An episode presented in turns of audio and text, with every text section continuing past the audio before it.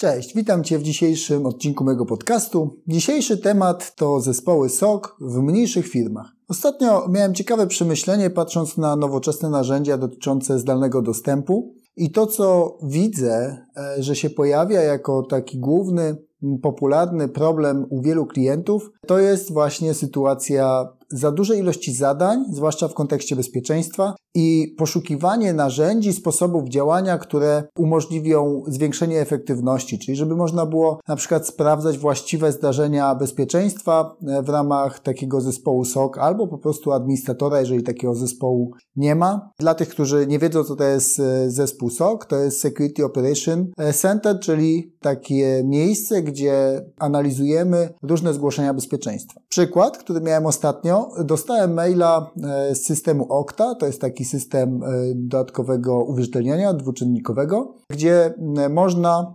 sobie założyć konto i dodatkowo w swojej organizacji uwierzytelniać dostęp. I wszystko było doskonale, tyle tylko, że ja nie prosiłem o reset hasła, a dostałem taki e-mail. I takie zdarzenie to jest typowo e, sytuacja, w której powinno się przeanalizować dane zdarzenie, co się stało, jaki był powód, że zostało wysłane taki request, e, czyli prośba o reset hasła. W tym przypadku, e, który ja doświadczyłem, nie było to zagrożenie bezpośrednie związane z moją aktywnością, natomiast było to związane z podatnością czy z takim incydentem bezpieczeństwa, który został zarejestrowany po stronie systemu Okta i w związku z tym wysłano automatyczne maile o reset haseł do klientów, którzy byli zidentyfikowani jako potencjalnie e, narażeni w tym okresie, w którym ten incydent e, zadziałał. O co chodziło w tym incydencie? Chodziło o to, że jeden z e, kontraktorów, czyli z firm podwykonawczych, a konkretnie inżynier supportowy, który obsługiwał zdarzenia czy zgłoszenia supportowe do tego systemu,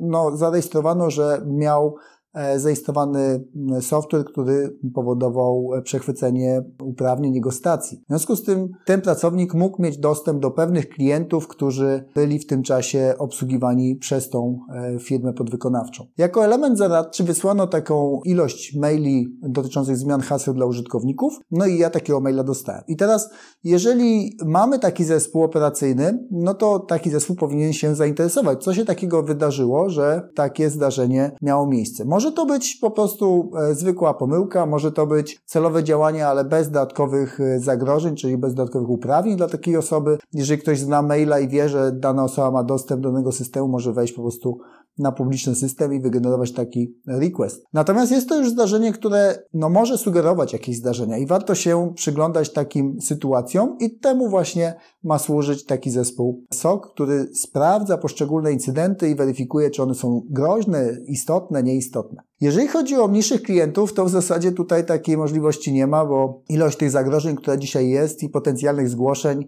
jest tak duża, że jeden administrator utrzymujący jeszcze dany system nie jest w stanie tego robić. W związku z tym opcje są dwie. Albo e, dana firma może rozważyć outsourcing takiego mm, zestawu kompetencji, czy takiego centrum bezpieczeństwa, albo może szukać narzędzi, które pomogą w analizie, czyli na przykład zmniejszą ilość tych zgłoszeń do jakichś naprawdę istotnych, naprawdę rokujących tutaj duże zagrożenie. I jeżeli e, wybierzemy trzecią opcję, która zawsze jest możliwa, nie robić nic, no to, czyli na bieżąco, tak jak wielu z nas działa, e, jest tak, że po prostu no, robimy co możemy, a resztę zwyczajnie ignorujemy i czas e, pokaże, czy to było istotne. Niestety ten trzeci przypadek ma ten duży minus, że jak już coś zadzieje, to w zasadzie jesteśmy z ręką w nocniku i niewiele możemy zrobić, oprócz tego, że powinniśmy prześledzić daną historię zdarzenia. Co też jest z kolei problemem, bo e, śledząc wspomniany przypadek Okty, e, byli w stanie z dokładnością e, w zasadzie co do minuty określić, jakie postępowanie było podjęte, w którym momencie dowiedzieli się o zdarzeniu,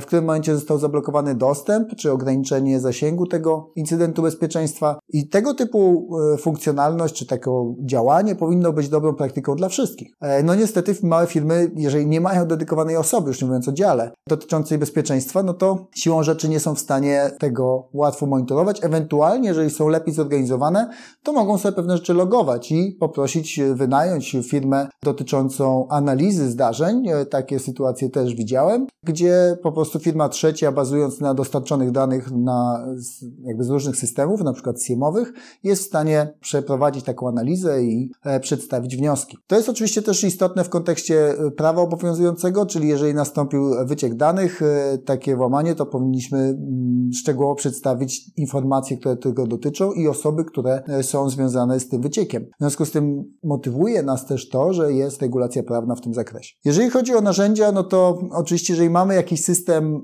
User Behavior Analytics, UBA, to mamy już jakieś wskazania dotyczące tego, gdzie powinniśmy się przy, przyglądać. Czyli którzy użytkownicy zachowują się dziwnie, widzimy jakieś anomalie, widzimy jakieś odstępstwa od e, typowych profili zachowań i to są też między innymi wskaźniki, gdzie taka osoba czy taki zespół powinien się przyglądać, do których zdarzeń powinien zaglądać. Z drugiej strony, jeżeli patrzymy sobie na mniejsze firmy, gdzie jest mniej tych użytkowników, to też tych zdarzeń powinno być mniej, więc no w zależności od tego, jaka jest proporcja administratorów, y, osób od bezpieczeństwa do ilości użytkowników, taką sytuację będziemy mieli. To, co widzę, y, to pojawiające się nowe narzędzia, głównie cloudowe, które umożliwiają nam wykupienie usługi i dzięki temu łatwo skorzystanie z takiego monitoringu, z takiego scoringu, i ewentualnie blokowania automatycznego. Też możemy tego typu zachowania konfigurować, że przy danym e, scenariuszu e, możemy zablokować dostęp i do czasu wyjaśnienia sytuacji e, dany użytkownik ma ograniczony dostęp albo do pewnych zasobów,